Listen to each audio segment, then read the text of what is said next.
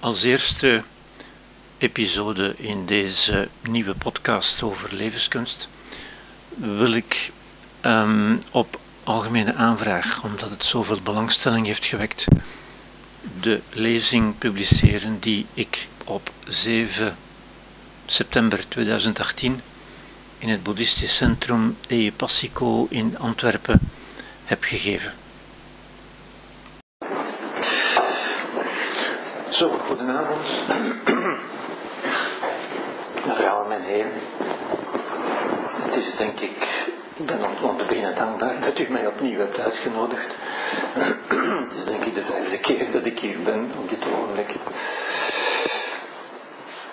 Ik ben niet speciaal een, een boeddhistische leraar.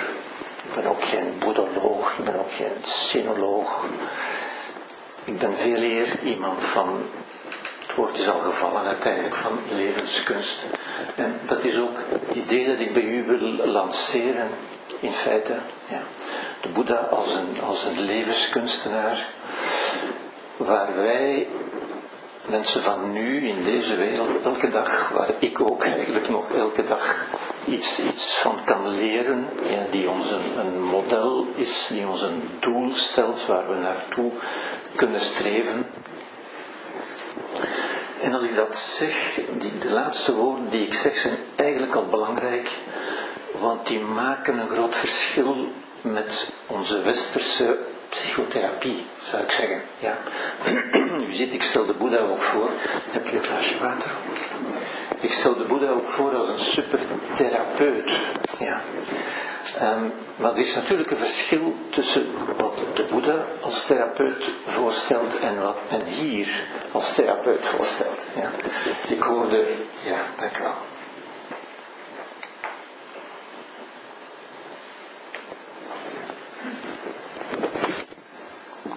Ik hoorde voor een paar dagen op Universiteit Vlaanderen, misschien kent u dat, een tamelijk boeiende reeks uiteenzettingen, hoorde ik Gwendolyn Portsky, om ze niet te noemen, de deskundige in, in zelfdoding, psycholoog, zelfdoding enzovoort, ja, een vooraanstaande figuur, hoorde ik haar spreken over wat drijft een mens tot zelfmoord. Ja, dat is natuurlijk radicaal het omgekeerde van wat de Boeddha zou zeggen. Ik zou zeggen, de Boeddha drijft ons tot geluk. Ja? Zij zei, wat drijft ons tot zelfmoord? Een actueel thema natuurlijk, gezien uh, het huidige aantal zelfdodingen in onze samenleving. Wel, zij zei, sommige mensen zijn als een emmer die overloopt. En die emmer zit vol factoren. En er zijn genetische factoren en omgevingsfactoren en opvoedingsfactoren, familiale factoren en psychische factoren en medische factoren enzovoort. Ja? En toen dacht ik, waar blijft de mens? Ja? Want daar wordt dus impliciet het model aangepraat. En dat is hoe wij erover denken in het Westen, in ons wetenschappelijke Westen, dat de mens het, resultaat is van factoren, een product van factoren. Met andere woorden, als we er iets willen aan doen, dan moeten we achterom kijken. En kijken naar waar, wat zijn nog die factoren en hoe kan ik daar iets aan doen in feite. Maar waar is dat actor? En dat is wat de Boeddha ons zegt. De Boeddha zegt eigenlijk juist het omgekeerde. En dat vind ik ook zo, zo, zo boeiend. En dat is voor sommige mensen in onze samenleving onaanvaardbaar en chockerend zelfs. Ja? De Boeddha zegt, je moet niet achteruit kijken. Je moet vooruit kijken. Het leven gaat nooit achteruit, het leven gaat vooruit. En als ik u er net in de meditatie hoorde zeggen, en, en dat is eigenlijk al zo'n zo klein en toch meteen zo'n mooi voorbeeld. Ja? U zegt, u zei, open je hart als een bloem naar de zon. Ja? Als u dat zegt, ongeacht de factoren die in uw leven aan het werk zijn geweest, dan heb je toch meteen iets waar je naartoe kunt leven. Dat geeft u meteen een, doel, misschien geen groot levensdoel, maar een doel voor dit moment. Ja? En, en vervult u meteen met een soort blijdschap, zou ik zeggen. Als u dat, alleen al die gedachte. Ja? En dat is het radicale verschil. Ja. Ik heb het hier ook de eerste, u kent dit natuurlijk. Uh, dit is de samsara, zoals u weet. Uh, ik ga daar nu niet verder op ingaan, want onze tijd is beperkt. Dit is een samenvatting van de hele leer van de Boeddha, zoals u weet. Ja. Uh, u ziet al die rijken hier, dat zijn wat wij zouden noemen emotionele toestanden waar de mens kan in verzeild geraken. Hè. De mens kan, kan overvallen worden door angst, door angstaanvallen, door, door woede enzovoort enzovoort. Ja. Dat is waar we in verzeild kunnen geraken. En wat de westerse therapie doet, is daar een beetje orde in brengen. Ja, van het ene naar het andere gaan, van de ene plaats naar de andere gaan. Ja. Maar de Boeddha zegt iets helemaal anders. En dat staat eigenlijk ook hierop. Ja. De Boeddha zegt namelijk meteen, ja, stap daar gewoon uit. Ja. De Boeddha gaat naar hierboven. Ja. En dat is een beetje zoals u daarnet zei, open uw hart als een bloem. Ik zit eigenlijk zo'n mooi, mooi beeld in feite. Hè? Want als u zich opent, dan wordt u ook ontvankelijk, zoals u zegt, kunt u allerlei dingen. En ontstaat er nieuw leven. Ja? En al die vorige factoren hebben eigenlijk geen belang meer. Ja? Bij iedereen zijn dingen voorgekomen natuurlijk. Ja? Maar maakt dat dat u niet meer kunt vooruitkijken. Ja? Nee. Maar wij denken hier, en er wordt ons aangepraat, en dat is een beetje het wetenschappelijke model natuurlijk, ook het medische model. Ja. Als u zich niet goed voelt, dan komt dat door factoren in uw verleden. En sommige factoren kunnen zo erg zijn dat ze u tot zelfmoord dwingen of brengen. Ja. Alsof u geen keuze meer zou hebben. Ja? Heidegger zei al, je kunt de mens niet begrijpen met de logica van de dingen. Ja? En de wetenschap beschouwt ons als dingen, als willoze dingen die geleid worden en gedreven worden door factoren. Ja? Uh, ik overdrijf natuurlijk een klein beetje, ik karikatureer een klein beetje, maar niet heel veel. Ja? Maar de Boeddha zegt juist het omgekeerde, in feite. Hij zegt, vergeet een keer al die factoren. Er valt in het verleden niets op te lossen. Uw leven is nu, hier en in de toekomst. En het gaat over het creëren, het maken van het leven dat u nu en in de toekomst wil hebben. Dat is waar het boeddhisme voor mij, in mijn ogen, in mijn benadering, dat is wat ik in het boeddhisme zie en hoe ik het, hoe ik het gebruik, hoe ik er mij aan inspireer, zou ik zeggen. En ik ga geen lange theoretische uiteenzetting geven. Ik ga een beetje doen zoals de Boeddha zelf. Namelijk, hij deed dat aan de hand van concrete voorbeelden. Aan concrete voorvallen ook. Ja? En ik ga u er eentje van vertellen en, en om, om met u eventjes door te nemen hoe diep de lering van de Boeddha eigenlijk is, welke lagen er allemaal. Ja? Het verhaal dat ik u wil vertellen is het verhaal van de belediging van de Boeddha. Een aantal van u kent dat waarschijnlijk. Ja. Het verhaal is, de Boeddha zat rustig te onderwijzen, te onderrichten met zijn leerlingen. Ja. En er kwam een man op hem af die hem beledigde. Hem zei, je kent er niks van, je bent een charlatan, je doet het alleen maar voor het geld. En hij spuwde hem in zijn gezicht. Traumatiserende ervaring. Ja. De Boeddha veegde zijn gezicht af, bleef onbewogen en vroeg, wat wil je nog meer zeggen? Maar Ananda, zijn lievelingsleerling, die zei van dit kunnen we toch niet toelaten. Als we deze man die straffen, dan gaat binnenkort iedereen dat doen. Dit is toch ontoelaatbaar. En de Boeddha zei zwijg tegen Ananda. Hij zei, die man heeft mij niet beledigd, maar jij beledigt mij. Die man kent mij niet, maar heeft waarschijnlijk iets over mij gehoord. Hij kent mij niet. Ja? Dus waar spuurt hij op? Hij spuurt niet op mij, maar op zijn idee over mij.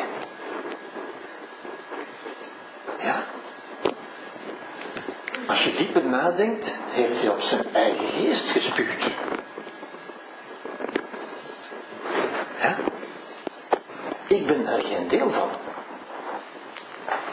Maar ik zien dat deze man iets wil zeggen, maar niet over voldoende taal beschikt.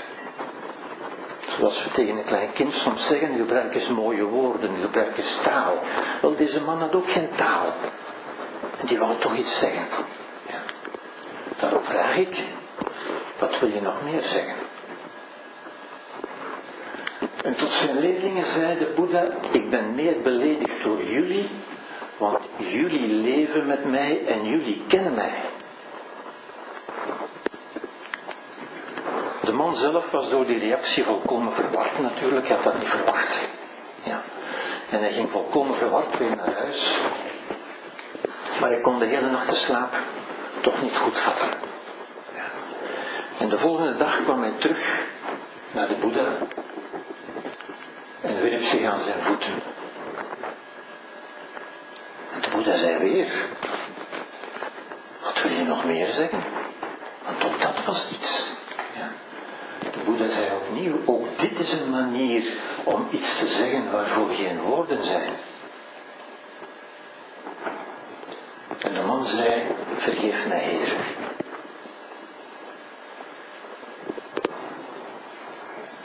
En de Boeddha zei, vergeven. De man waarop je gisteren gespuurd hebt, die is er niet meer. Dus wat is er te vergeven? En ook u, en ook u bent niet meer de man die gisteren spuurde.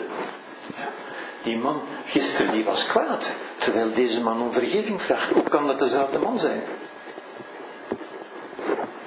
Kom dus dichterbij en laat ons over iets anders spreken.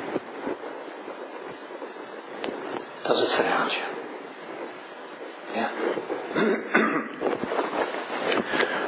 Wat leert de Boeddha ons hier? Ja. De Boeddha was in vrede. De man verstoorde de vrede. De Boeddha bleef in vrede. En de les is natuurlijk, u kunt dat ook. Dat is de les voor ons. Ja? Als we er iets willen van leren, moeten we ons daaraan inspireren. Hoe kunnen we dat ook doen? Ja?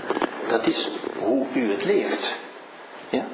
Dat is hoe u levenskunst leert, zoals u dansen leert. Hoe leert u tango dansen? Door naar een tango-meester te gaan en daar te gaan nastaan en die stappen na te doen, tot u dat ook goed kunt en altijd beter kunt. Ja? Dat is de levenskunst eigenlijk ook. Het is een soort dans met het leven. En de Boeddha is een leermeester daarin. Hoe kunnen we dat ook? Dat is de bedoeling natuurlijk, hè? niet van te zeggen, ja maar dat is fantastisch, ja dat is zo. Maar dat is om in ons leven te integreren. Ja? Wat illustreert de Boeddha hier? En ik gebruik met opzet het woord illustreert. Hij bewijst niks. Bewijzen dat is uit de wereld van de wetenschap. Zijn hier in de wereld van de levenskunst. En levenskunst is een kunst, geen wetenschap. Wat illustreert de Boeddha? Wel om te beginnen mindfulness. We hebben het er al even over gehad. Wat is mindfulness? Mindfulness is met milde aandacht hier en nu te zijn. Niet in het verleden, niet in de toekomst. Hier en nu. Ja? Zoals een bloem die hier en nu de zon opneemt. Niet in het verleden, niet in de toekomst, nu. Het leven is altijd nu. Ja? Aanwezig zijn zonder oordelen. Ja? We zijn natuurlijk zo geneigd om te oordelen. Dat, is altijd onze neiging. En u weet ook dat dat de oorzaak is van ons lijden, natuurlijk. Alle lijden komt uit ons oordelen. Ja? Zoals de Boeddha in de tweede en de derde nobele waarheid heeft gezegd. Ja? Zonder oordelen. Hij blijft onverstoorbaar bij zichzelf en bij zijn waarden. En wat zijn zijn waarden? Vriendelijkheid en vrede. Hij blijft en de ander heeft daar gewoon geen vat op. Ja. Kunt u dat? Ja, dat kunt u. Ja, wij kunnen dat ook. Ja. Daarop terug. De les is niemand kan je verstoren of kwetsen. Ja. Ik zal daar graag een hele dag over doorgaan, maar we hebben die tijd natuurlijk niet. Maar u begrijpt, dit gaat in tegen wat we bijna dagelijks in de media horen over de kwetsbaarheid van de mensen, het, het gekwetst zijn en de wonden en de kwetsuren van het verleden en zo verder. De Boeddha zegt hier gewoon, je bent niet kwetsbaar. Ja. Niemand kan u eigenlijk verstoren. Ja. En dat is niet iets waar we moeten naar streven, dat is eigenlijk iets wat we ons moeten realiseren. Ja?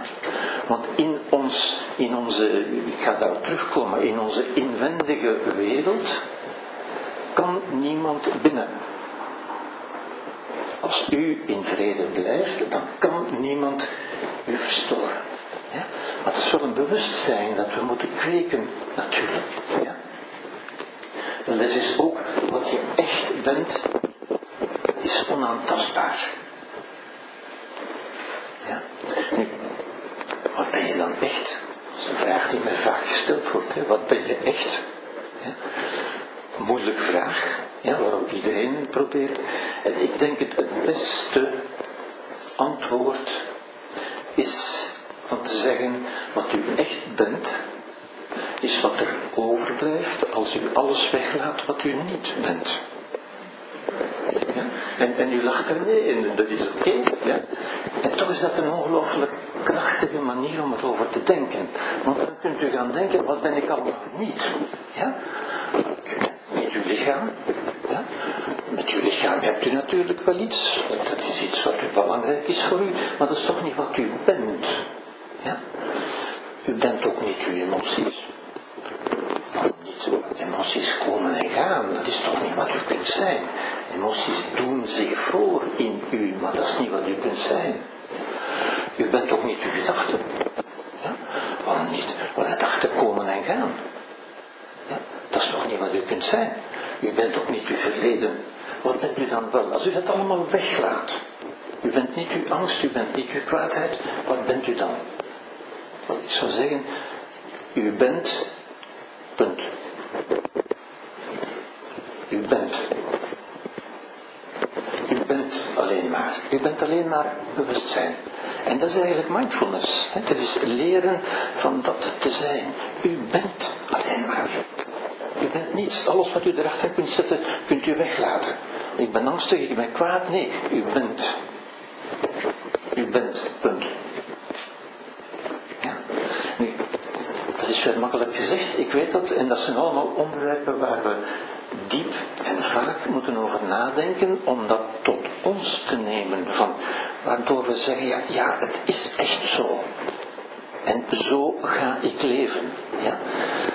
Dan stelt u zich een doel. Ja, zoals u zegt, ik ga mijn hart openen als een bloem, zo kunt u ook zeggen, ik ga zo leven. En dan creëert u leven, een vorm van leven, die creëert u hier, nu, tijdens de meditatie, maar die kunt u meenemen voor de rest van uw leven. En dan creëert u uw leven. Dat is wat boeddhisme doet. Ja. Dat is eigenlijk een existentialisme avant la lettre, zou ik zeggen. Ja, dat is bijna stap. Ja. Goed. Wat ben je echt? Dat heb ik net gezegd. Ja? Je bent echt dat wat er overblijft als je alles weglaat wat je niet bent. En ziet u hoe, hoe, hoe nuttig dat denkinstrument is. Ja? Het is veel makkelijker van te zeggen wat u niet bent, dan te zeggen wat u wel bent. Daar hebben we eigenlijk geen goed woord voor. Ja? U bent het, het zijn, u bent. Ja, maar dat, dat, dat, dat blijft zo'n beetje in de lucht hangen. En, en toch is dat wat we zouden moeten. Ja? En als u dat beseft dat u dat bent, dan beseft u eigenlijk tegelijk, dat kan niemand van u wegnemen. En wat er ook gebeurt, dat bent u eigenlijk altijd. Ja? Ongeacht wat er in uw verleden gebeurd is, ongeacht wat mensen nu over u denken of over u zeggen, u bent wat u bent. Ja? Hoe creëer je vrede? De Boeddha bleef in vrede. Ook zoiets moeilijk en toch eigenlijk ook zo simpel in feite. Hoe creëer je vrede? Je creëert vrede door het woord vrede in uzelf uit te spreken. Door te zeggen, ik ben in vrede. Als u dat, ik doe dat ook vaak met patiënten. Ja? Als u dat bij uzelf zegt, ik ben nu op dit moment, en u mag uw ogen dicht doen of open, dat maakt allemaal niet uit uiteindelijk, maar als u dat aandachtig in uzelf laat aanwezig zijn, ik ben in vrede, dan zult u voelen onmiddellijk, hier, nu, dan voelt u allemaal iets in uw lichaam en in uw hele wezen dat zich ontspant. Ziet u, dat is uw leven creëren. Ongeacht wat u overkomen is, wat u gebeurd is, dat is niet meer belangrijk. Ja? Belangrijk is, hoe wil ik voortaan gaan leven? Ziet u, dat is weer een creatie, een, een doelstelling. Ja? En ik denk, ik ga daar nu niet verder op in, maar ik denk dat de levenskwaliteit van een mens veel meer bepaald wordt door zijn idee over de toekomst over zijn idee over het verleden. Ja? Als, u, als u enthousiast bent over iets, is het omdat u daar een toekomst in ziet. Als u depressief bent, u moet eens luisteren naar mensen met een depressie, die zien geen enkele toekomst. Als u geen enkele toekomst ziet, dan hebt u ook nergens de zin in. Dat is de depressie. Ja? Zoals in een relatie. In het begin bent u verliefd, enthousiast, omdat u veel toekomst ziet. Met die persoon zal zoveel mogelijk zijn. Op het einde van de relatie, wat zeggen mensen? Ik voel er niks meer voor. Het doet mij niks meer, ik zie er niks meer in. Ja? Geen toekomst meer. En dat is de depressie. Als u dat indenkt, dat is het gevoel van een depressie. Als u daarbij die persoon vervangt door het leven, want het leven is uw echte partner, dan hebt u de twee uitersten. Iemand die enthousiast is over het leven, die gelukkig is met andere woorden, en iemand die depressief is, die ziet niks meer in het leven. En, en dat is wat tot zelfdoding kan gaan, natuurlijk. Zijn dat factoren? Nee, dat is uw manier van kijken naar het leven. Ja? En dat is wat de Boeddha ons ook leert, natuurlijk. Die manier van kijken. Hoe kunnen we op een andere manier gaan kijken? Ja? Goed, Leer van de zee. Zei de Boeddha ook. Ja. En de Boeddha heeft zo tal van die, van die petite zoals in het Frans zegt, van die kleine zinnetjes, die, zo min de rien, zo maar, maar die eigenlijk ongelooflijk diep zijn. Hè. Hij zei, als je in een kop water een handvol zout strooit, dan wordt dat water zo zout dat niemand het nog kan drinken. Maar als je in de zee een handvol zout strooit, dan gebeurt er niks. Fantastisch idee. En dus zei de Boeddha, leer van de zee. Wees zoals de zee. Ja? Zoals zij daar ook was, hè? die man kwam hem verstoren, de Boeddha bleef onverstoord. Hoe kun je dat doen? Door bijvoorbeeld te denken, door voor jezelf te denken, waar te maken. Ik ben in vrede ongeacht wat iemand doet. En het is ook pas als u in vrede bent, dat u zich voor die andere mens kunt interesseren.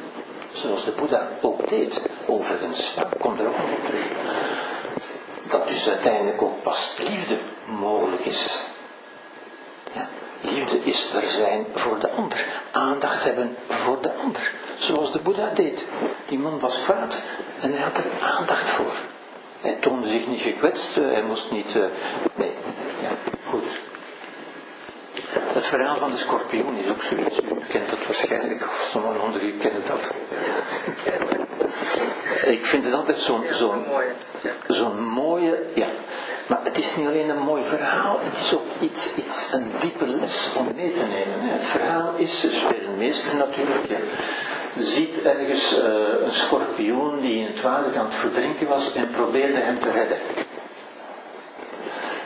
En toen hij dat deed, hij probeerde dat beestje op te pakken en dat beestje stak natuurlijk.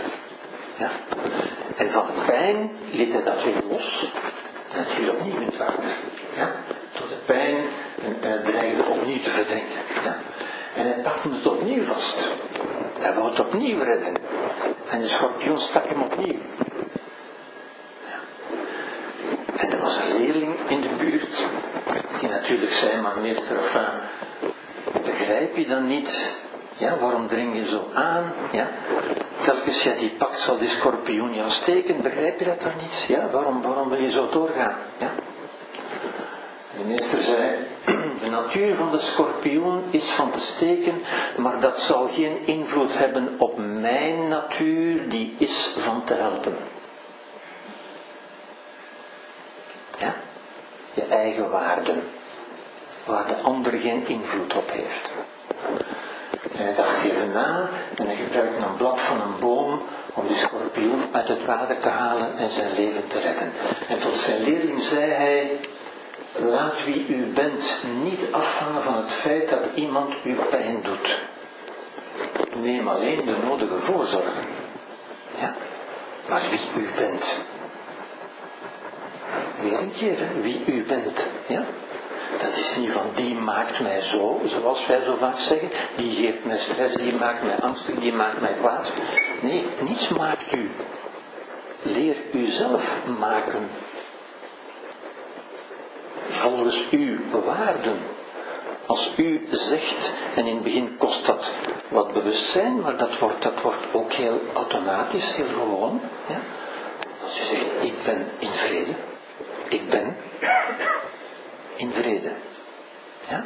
En als u, dat, als u dat diep zegt, en daar heb je geen goede woorden voor, het beste woord dat we dan gebruiken is meditatief natuurlijk, ja.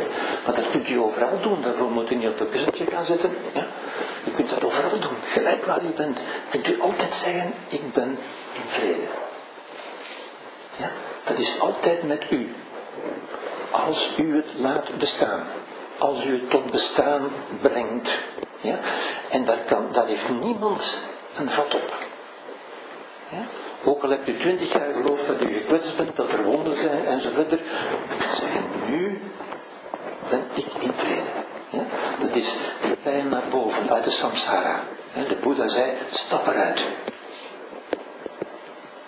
Ja? Iets wat wij in ons westerse denken moeilijk, dat stuit op verzet. Van ja, maar dat kan toch niet, je moet eens horen wat mij allemaal overkomen is. Boeddha zegt, het weg. Stap eruit. Ik moet het een beetje kort zeggen natuurlijk, hè, maar... Goed. Als het leven u duizend redenen geeft om te huilen, toon dan dat u duizend redenen hebt om te glimlachen. Ja. Kunt u dat? Ja, dat kunt u. Maar we hebben natuurlijk de neiging van te zeggen, ja maar de Boeddha, ja maar dat is een speciale. Ik ben geen Boeddha hoor, en ik ben zo gekwetst en ik kan dat niet, en zo. Ja.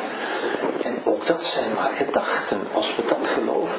Ja. Want dat zijn de volgende dingen natuurlijk. Dus ga door. De Boeddha illustreert hetzelfde verhaal. Ik ga terug naar het verhaal van de Boeddha. Ja. Mededogen. Wat is mededogen? Een houding van welwillendheid, het goed willen. Ja? De ander is geen slecht mens, geen monster. Zoals we dat zo vaak in onze media zien staan. Ja? Hij is een mens zoals ik. Basis van mededogen. Ja? Een mens zoals ik. Ja? Het is geen vijand, geen slecht mens. Die verlangens en behoeften heeft, net als ik. Die niet gestraft moet worden, onze neiging, ja, je moet eens naar de media luisteren, onze neiging om te straffen voortdurend. Het mag toch niet onbestraft blijven, Ananda. Hè? Meester, dit mogen we toch niet onbestraft laten?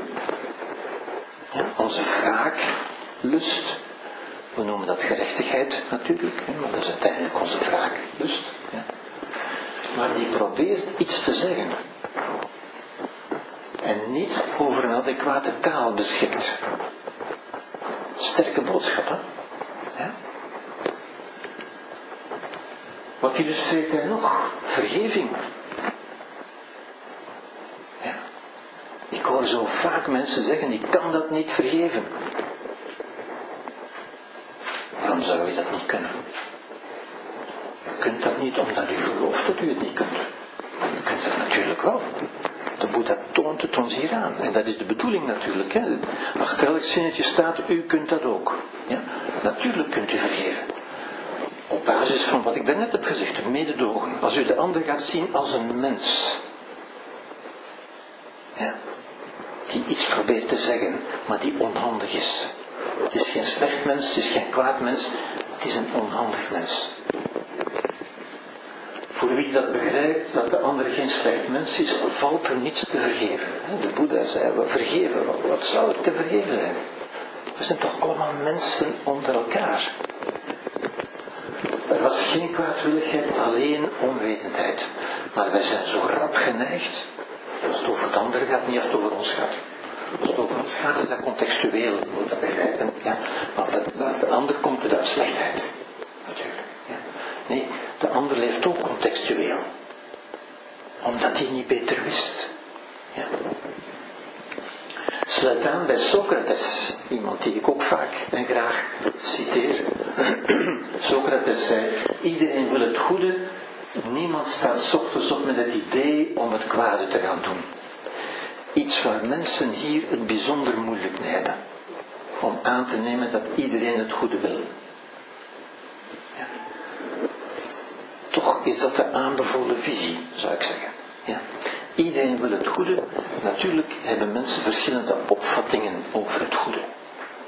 Ja. Binnen het denkkader van de mensen, hoe ze zijn opgevoed, wat ze zijn gaan geloven.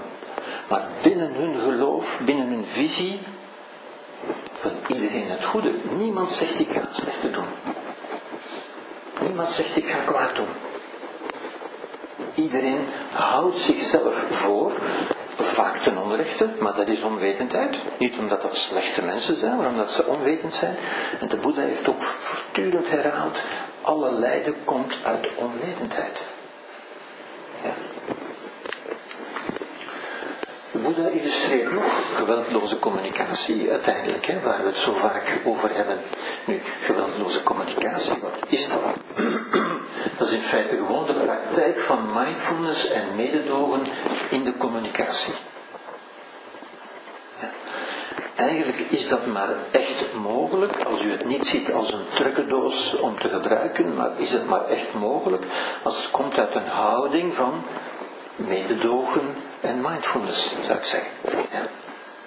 Ervan uitgaan dat de ander een mens is zoals ik, met een bepaalde visie, een bepaalde verlangens en behoeften die je alleen maar onhandig uitdrukt. Dat is de basis van geweldloze communicatie. Ja? Zoals de Boeddha hier ook toont. Ja? En dat is de bedoeling. Je kunt dat ook. Zo kunnen wij het ook gaan doen. Ja? De Boeddha illustreert nog inzicht en dat is iets waar ik, het, waar ik eigenlijk voortdurend bijna elke dag mee te maken krijg. iets wat mensen hier bij ons ja, bijzonder moeilijk vinden om aan te nemen. Bijzonder moeilijk vinden om, te, om in te zien en om te geloven. Soms kan het nog wel eens inzien, maar om het dan echt te gaan meenemen, dat is nog iets anders natuurlijk. De cognitieve aard van emoties. Wij zijn zo gewend wij, veralgemeen natuurlijk iedereen, maar vele mensen, ook professionelen, ook vele professionelen, van te denken in termen van de, de dualiteit tussen denken en voelen. van ja, ik begrijp het wel, maar ik voel het niet zo. Ja. Men weet tegenwoordig, men, de cognitieve filosofie, de cognitieve psychologie, en de Boeddha wist dat eigenlijk ook al. Ja. Dat onze emoties gewoon volgen uit onze manier van denken, uit onze cognities, met andere woorden. Ja. De ander spuurt op zijn idee over mij. Dat is een belangrijk inzicht in feite. Hij spuurt niet op mij, hij spuurt op zijn idee. Ja. Dat wil zeggen, die emotie was iets intern in die persoon.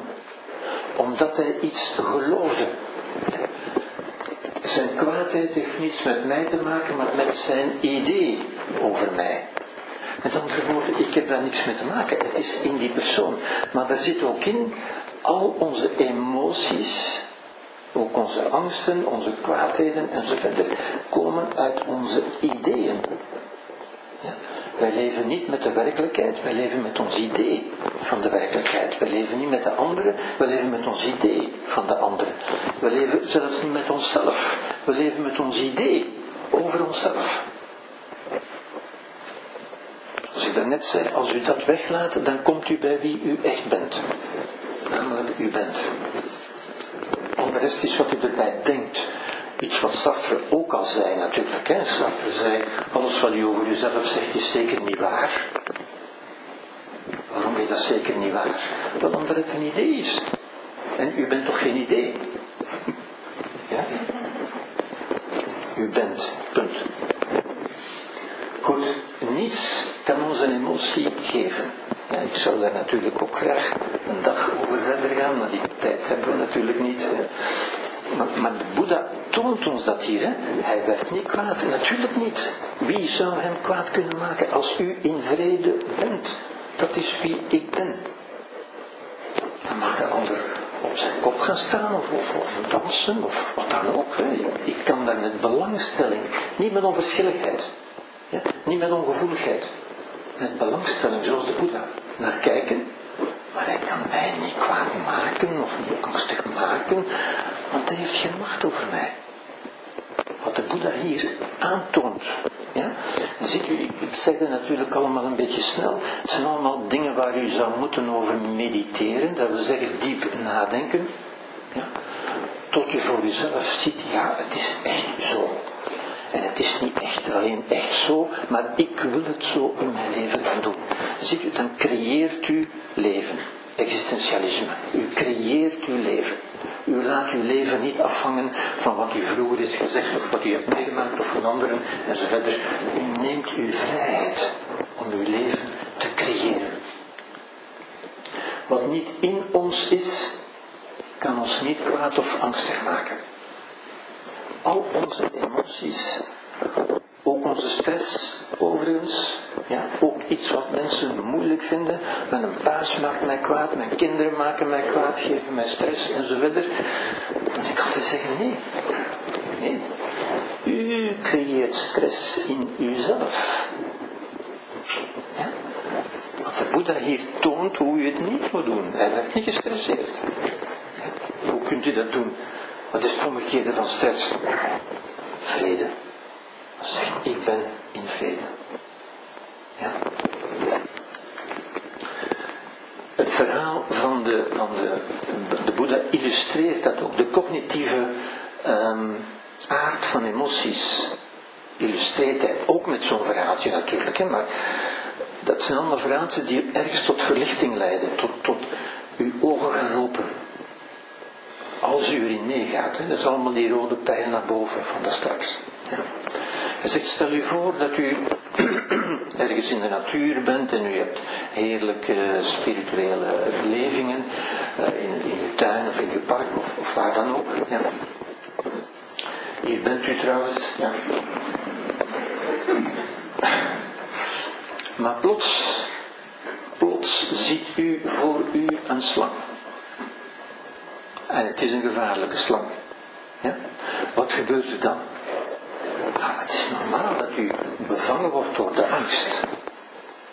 Ja, dat is normaal. En uw lichaam voelt die angst en wil ook al gaan lopen, want angst maakt u klaar om te gaan lopen. Natuurlijk, uw spieren gaan spannen, uw bloed gaat anders stromen, uw ademhaling, uw hart, alles zet zich in beweging om te gaan lopen, want er is gevaar. Ja? Maar zegt de Boeddha, net voordat u, net voordat u gaat lopen, zegt u, ik ga toch nog eens kijken. En u kijkt nog eens een keer. Ja. En u ziet dat die slang eigenlijk een tuinslang is. Ja. Wat gebeurt er dan met uw emotie? Waar is die naartoe?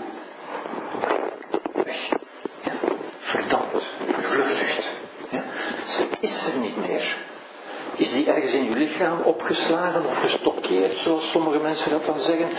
Nee, er zijn geen plaatsen in het lichaam waar wij emoties kunnen stockeren. Ja. Die vluchten gewoon. Ja. Nu, dat is het hele verhaaltje, hè? Ja? Maar wat blijkt daaruit? Als u nu afvraagt, dat verhaaltje, u kunt zich dat indenken, met, met tal van andere voorbeelden. Als u zich niet afvraagt, die emotie, die angst, was dat ingebeeld? Nee, die was echt. Die angst was echt. Maar hoe lang was die angst er? Zolang u geloofde dat er een slang was. Op het moment dat u niet meer geloofde dat er een slang was, was die emotie ook weg. Ja. Ik, kan het moeilijk duidelijker aantonen. En de, de Boeddha heeft het ook zo duidelijk gezegd. Dat vind ik een van de grote voordelen van de Boeddha. Dat hij de dingen zo scherp en zo duidelijk stelt in feite.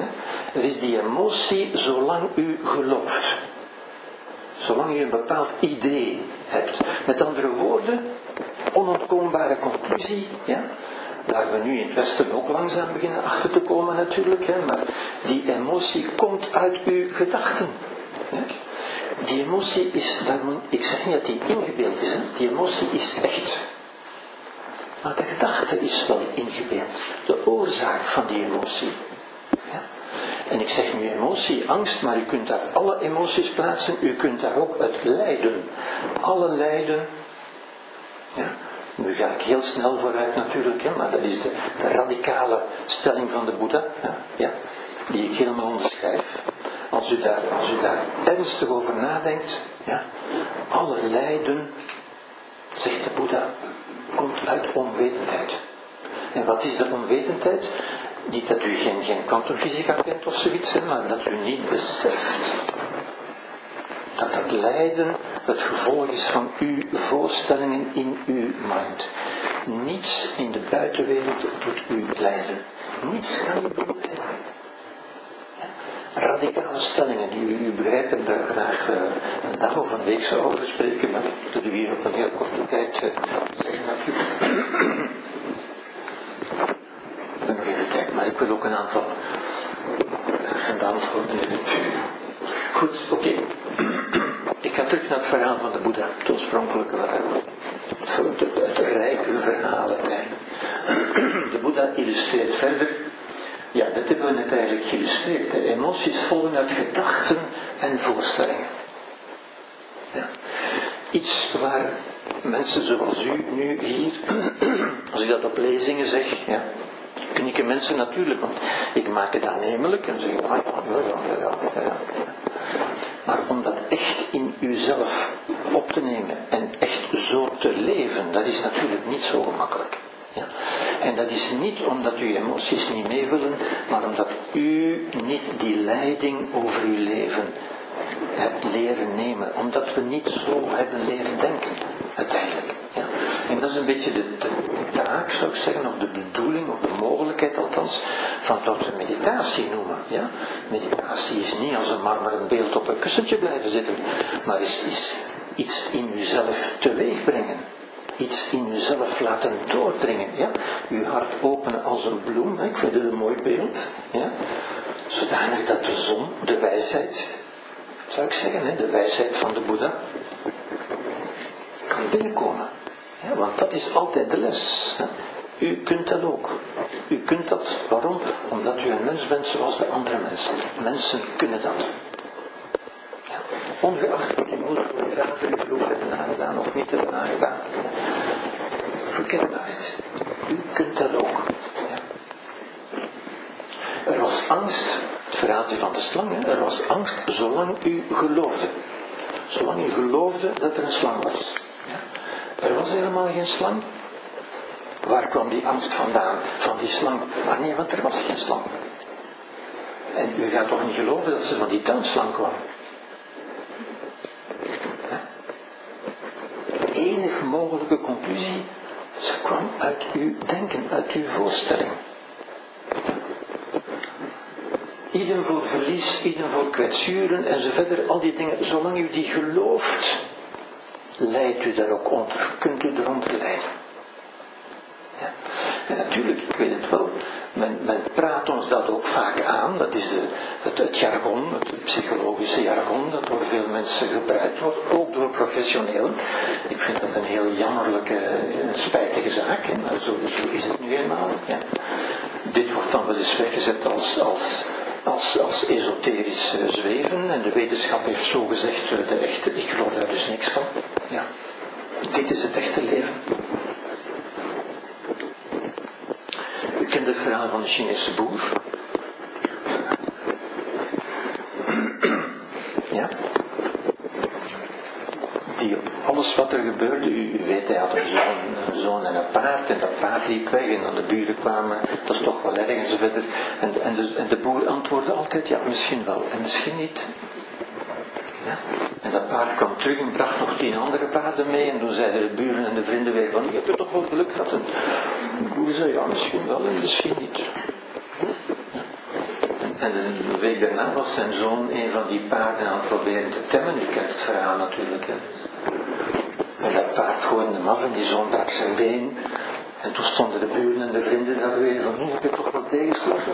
Ja, misschien wel, misschien niet.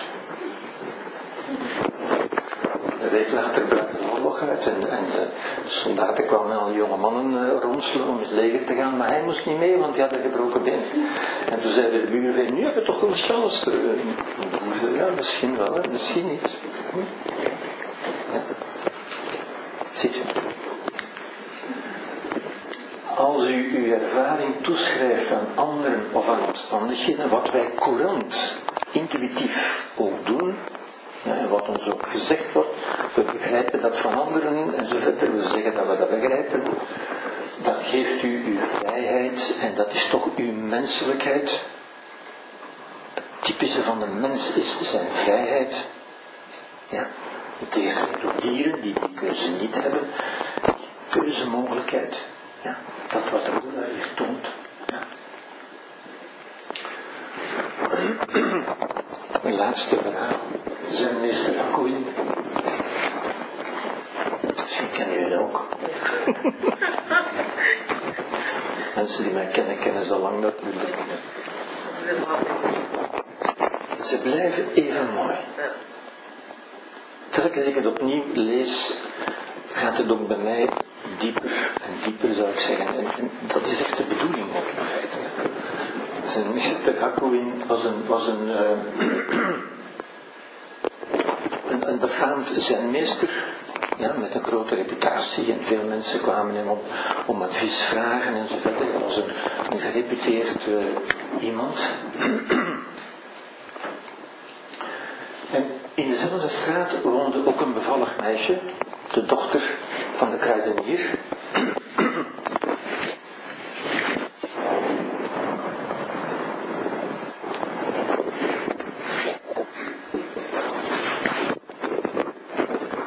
En op een bepaald moment, u raadt het al, op een bepaald moment werd dat meisje de ouders waren natuurlijk even ondersteld en, en presten dat meisje van om te weten wie, wie is de vader. En dat meisje wou dat niet zeggen. Maar ze, ze drongen zodanig aan dat dat meisje in, in, in nood kwam uiteindelijk en geen weg meer zag. En ze zei, het was meester Hakkoei. Alhoewel hij daarmee niets te maken had. Ze wees hem dus aan als de vader. En die mensen waren natuurlijk razend. Ze maakten woedend hun opwachting bij de meester en ze zeiden, schande dat een man als u, die zich zo onberispelijk voordoet, ondertussen de vader van het kind van onze dochter blijkt te zijn. Is dat zo? zei de zenmeester. Ah, bon. De had bij iedereen zijn goede reputatie verloren, maar hij bekommerde zich daarom niet in het minst. Het nieuws van het schandaal verspreidde zich tot buiten de stad en niemand kwam hem nog om advies vragen. En de meester bleef onbewogen. Toen het kind geboren was, brachten de ouders het kind naar Hakuin. Ze zeiden, kijk, je hebt dat kind verwekt, nu moet je er ook maar voor zorgen. En de meester nam dat kind aan. En wat hij nodig had, ging hij kopen bij zijn, zijn buur, de kruidenier, de vader van dat meisje dus.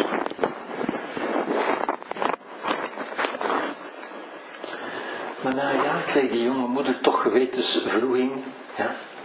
En legde ze aan haar ouders uit wat er eigenlijk gebeurd was. En ze wees de echte vader van dat kind aan. Het was de zoon van de beenhouwer.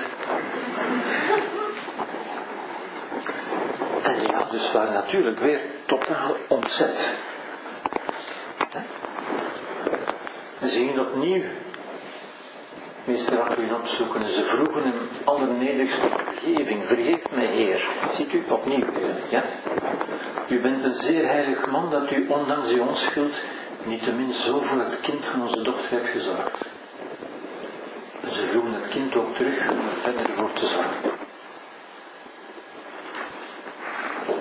En meester Aquin zei, is dat zo? En dan gaf het kind waar hij al die tijd voor gezorgd had, gewoon terug. Ja. Einde van het verhaal. Ziet u, meester Hartman is op geen enkel moment in, in dit hele gebeuren, ja, is meester Hartman op geen enkel moment slachtoffer geweest, of leidend. Hij zegt ook niet van zorg dat die mensen 30 jaar gevangenis krijgen, of therapie krijgen, of wat dan ook. Hè? Nee. Zie, hij was op elk moment één met wat er gebeurde. Het is echt mindful. Hè? Hij aanvaarde als zonder oordeel wat er gebeurde. Ja. En u kunt er nu van denken wat u wil natuurlijk. Hè? Voor ons is dat, is dat chockerend zoiets.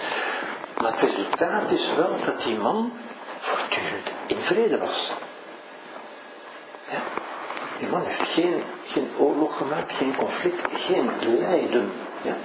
Alle lijden is een toestand van oorlog, van conflict. Ja. Met uw verleden, dat u niet meer kunt veranderen, met personen in uw verleden, met gebeurtenissen die u niet meer kunt veranderen, ja. en waar je op gefixeerd blijft. Als u in het heden komt en in vrede bent, ik ben in vrede, creëert u vrede, door te zeggen, ik ben in vrede. Ja, ben is een, is een magisch woordje bijna. Dat, dat, dat constitueert u. Dat, dat creëert u op dit moment. Als u zegt ik ben, dan neemt u een, een, scheppingsdaad in uw hand. U creëert uzelf. Nu en in de toekomst. U creëert, u geeft uzelf ook weer een toekomst. Ja. Oké. Enlightenment is not done. Enlightenment is when a wave realizes it is the ocean. U bent niet die golf, u bent de oceaan. De oceaan is, ik ben. En de les is natuurlijk, ook u kunt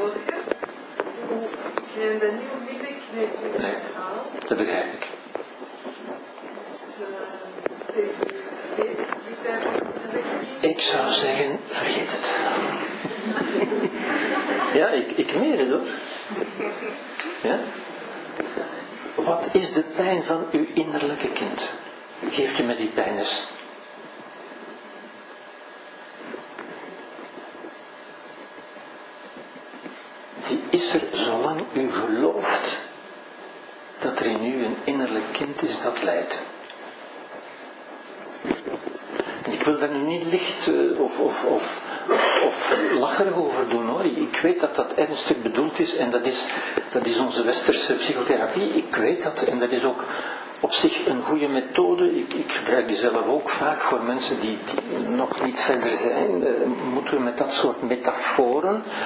Maar u weet natuurlijk dat er geen kind in u is, tenzij u zwanger bent, wat ik niet vermoed.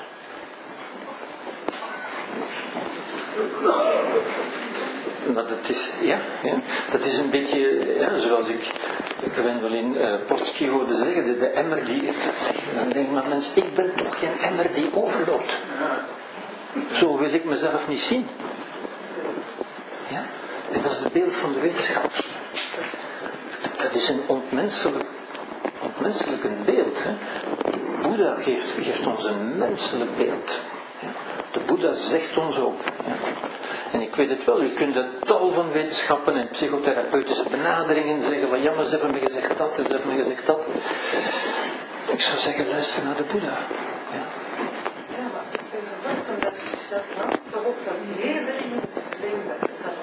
Ja, ja, ja, zeker, zeker, zeker. Ik weet het. Ook Tolle zegt dat. Ook Tolle spreekt in hoofdstuk 3 en 4 van de Nieuwe Aarde over het pijnlichaam. Toen ik dat las, was ik verbijsterd. Ik dacht, dit kan niet van Tolle zijn, maar het staat wel in zijn boek. Ik ben het daar dus absoluut niet mee eens. Ja. En ik denk, nee, in zijn eerste boek niet. Nee, nee. Maar in zijn tweede wel. Ja, inderdaad. Dat, ja. ja. Nee, nee, dat is juist, dat is juist. Ja, dat is juist. Het wordt hier gezegd, het staat niet in zijn eerste boek en dat is juist. Ja, maar het staat wel in zijn tweede boek. Ik ben het daar niet mee eens. Ik zou zeggen, dat is zoals de slang. Hè? U lijdt zolang u gelooft.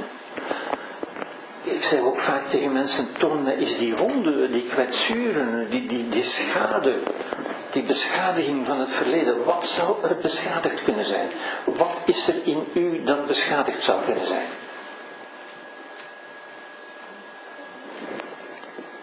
Denk, als u eventjes doordenkt, dan moet u zeggen, er is niets beschadigd in mij.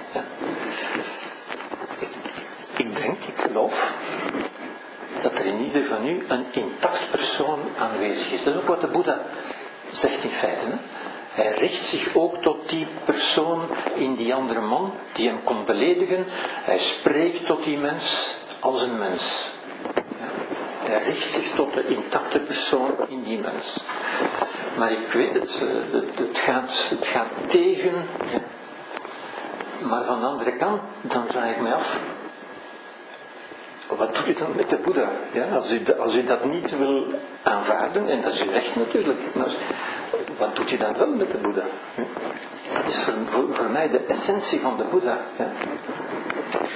Niet rituelen en ceremoniëlen en zo.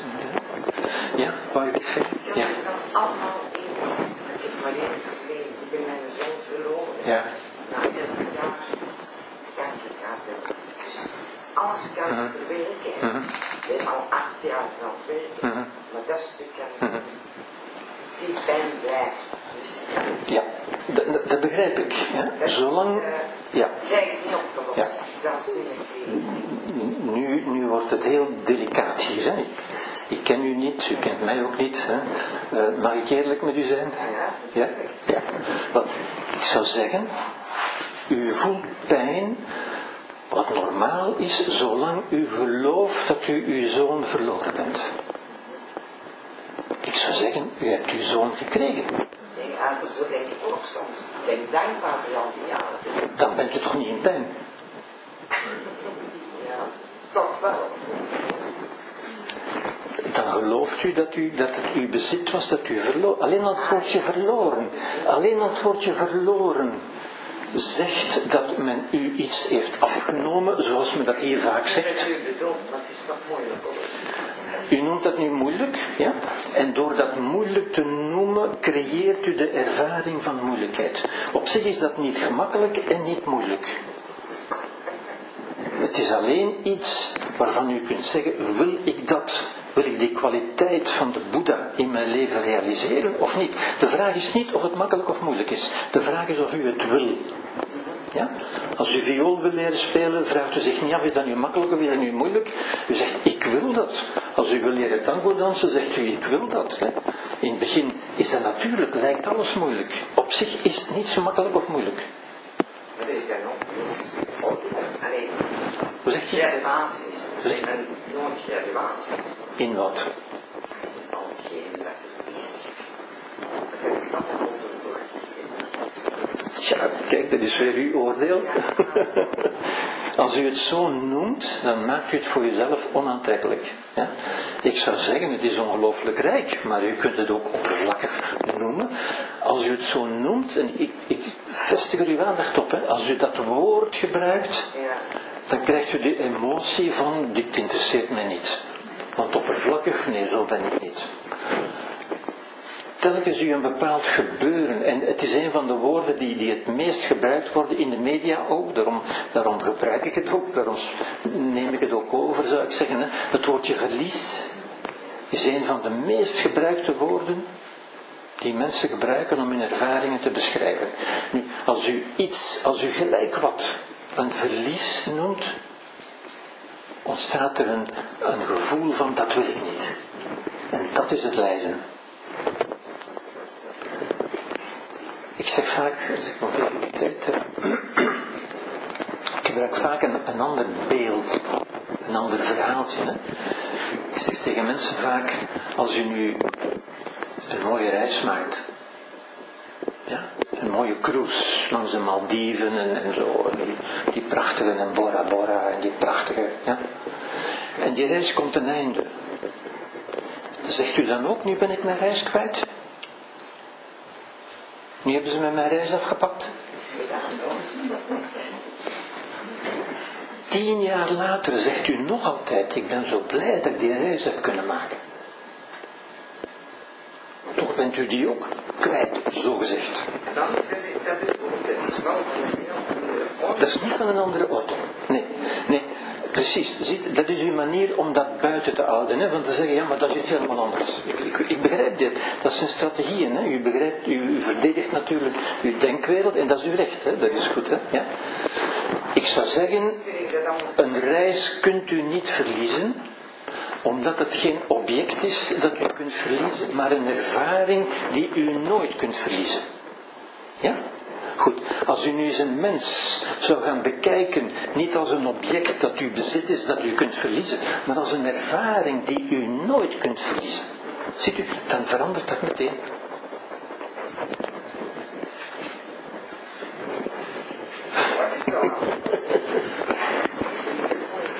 Ja. Goedendag, mijn gevoel mee. In mijn eh, weg die begint te voelen dat welboosheid makkelijker was om af te leren. Niet af te leren, niet te oefenen. Maar het uitleren, langzaam en langzaam, Ja, moeilijk was welboosheid ten overstaan van mezelf. zeker. Ja, absoluut. Absoluut. En ik illustreer dat met een voorbeeld. Als ik pijn dans en verlies, laat ik dan mezelf in armen. Pijn, armen, pijn. Mhm. Pijn, maar nee, niet dan pijn, pijn, tot aan. Het vechten zelf is de pijn. U kunt niet vechten tegen de pijn. Hè? De pijn is een concept. Het vechten zelf is de pijn. En daarom is vrede ook het einde van die pijn. Het oplossen van die pijn.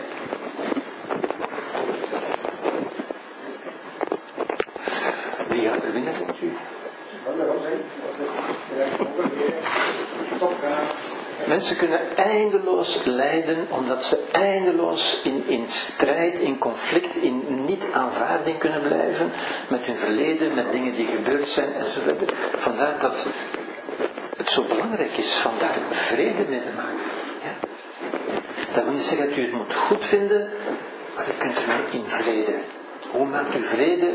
Door te zeggen, door het woord uit te spreken, ja, zoals u het woord, als u het woord verlies uitspreekt, voelt u meteen ook een emotie van nee, dat wil ik niet. Als u het woord vrede uitspreekt, ja, niet als een papegaai, maar met aandacht, dan ontstaat er meteen iets in, in heel uw wezen, in uw lichaam, in uw emotie. Er komt iets van ontspanning.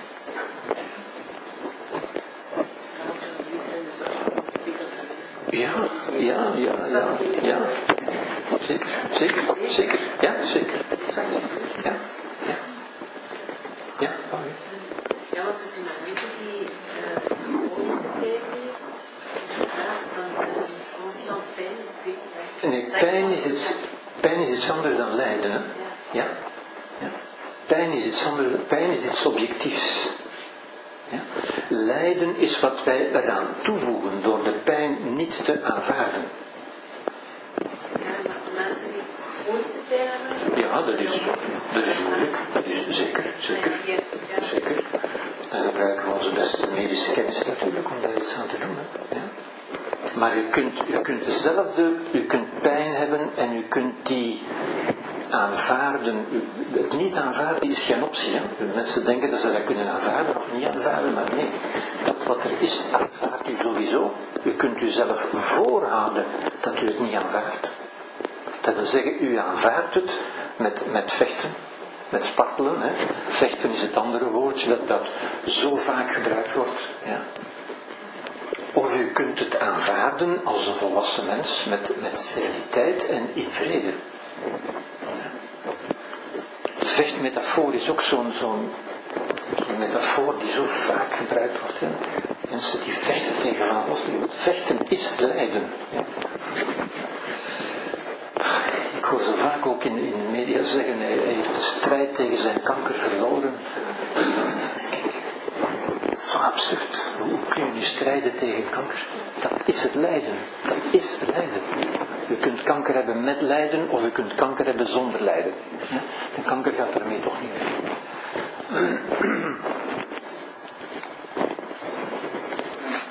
als het door die Chinese boer van misschien wel, misschien niet gaat, dan heb je zo het, eh, het probleem van hoe kunnen we eh, keuzes en beslissingen maken als we geen voorkeuren, geen, wat is de motor om nog iets te willen? Is het voldoende om te zeggen, we proberen het lijden uit de wereld te helpen? Is dat een Ja. voldoende zingeving Ja. het leven? Ja. Pijn is, is essentieel, dat hoort bij het leven. Ja, ja. Ik, denk, daarop is een, het, het beste antwoord dat daarop gegeven is, dat komt bij mijn weten niet van de Boeddha, maar wel van de Stoïcijnen, die dicht bij de Boeddha staan, overigens. Ja. En die zeiden, eh, je moet de moed hebben om te veranderen wat je kunt veranderen, de sereniteit om te aanvaarden wat je niet kunt veranderen, en de intelligentie, de wijsheid, om het onderscheid tussen beide te maken. Ja? En die boer, die aanvaarde wat hij niet kon veranderen, zoals meester Jacobin. Ja? Je verandert wat je kunt veranderen. Wat kun je veranderen? Uw eigen houding op de eerste plaats. In de buitenwereld kun je bijzonder weinig veranderen. De houding van andere mensen, daar kunt u bijzonder weinig aan doen. Ja? Maar uw eigen houding, dat is ook wat Epictetus zei, de grote stoïcijn. Uw eigen houding ligt onder uw controle. Daar kunt u in kiezen. In de buitenwereld kunt u niet kiezen. En dus die aanvaardt u met gratie, met sereniteit, met wijsheid. Zoals de Boeddha. Ja.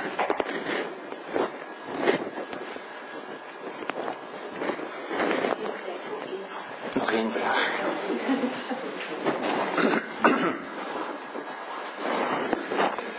Ja. Ik vind het een zeer goede vraag. Ik vind het een zeer goede vraag. En mijn antwoord is eigenlijk heel kort. En, en, en het staat als wat ik net heb gezegd. U leert accepteren door uzelf te zeggen, ik aanvaard dit. Ik aanvaard dit. Ja, ik ga dit aanvaarden. Door dat bij uzelf te herhalen en te herhalen. Zolang u blijft zeggen, ik kan dit niet aanvaarden, houdt u dat in stand. Ik kan dit nog niet aanvaarden. Oké, ja, ja, dan bent u nog, bent u waar u bent. Hè? Op het moment dat u gaat zeggen, ik aanvaard dit. U creëert aanvaarding door het woord uitspreken. Hè? Zoals, u, zoals u lijden creëert door het woord verlies bijvoorbeeld. Hè? Het is toch een verlies. Mensen zeggen, ja maar ik voel toch dat het een verlies is. Dat is een grote valkuil natuurlijk. Hè? Natuurlijk voelen ze dat omdat ze het woord hebben uitgesproken. Voelen ze het effect van dat woord. Ja? Als u dat net zei, en ik, ik, vond dat bijzonder interessant eigenlijk. Hè? Ik, ik, nodig u uit om daar toch over na te denken. Het moment dat u in dankbaarheid bent, kunt u niet tegelijk lijden. Nee. En dus wat kunt u cultiveren? U kunt uw gedachte van dankbaarheid cultiveren. U hebt uw zoon gekregen. U had hem ook nooit kunnen hebben. Ja? U kunt alleen maar dingen verliezen die u gekregen hebt. Ja? Ik weet niet meer wie het zei. Ik ben naakt en met niets ter wereld gekomen en het meeste daarvan heb ik nog.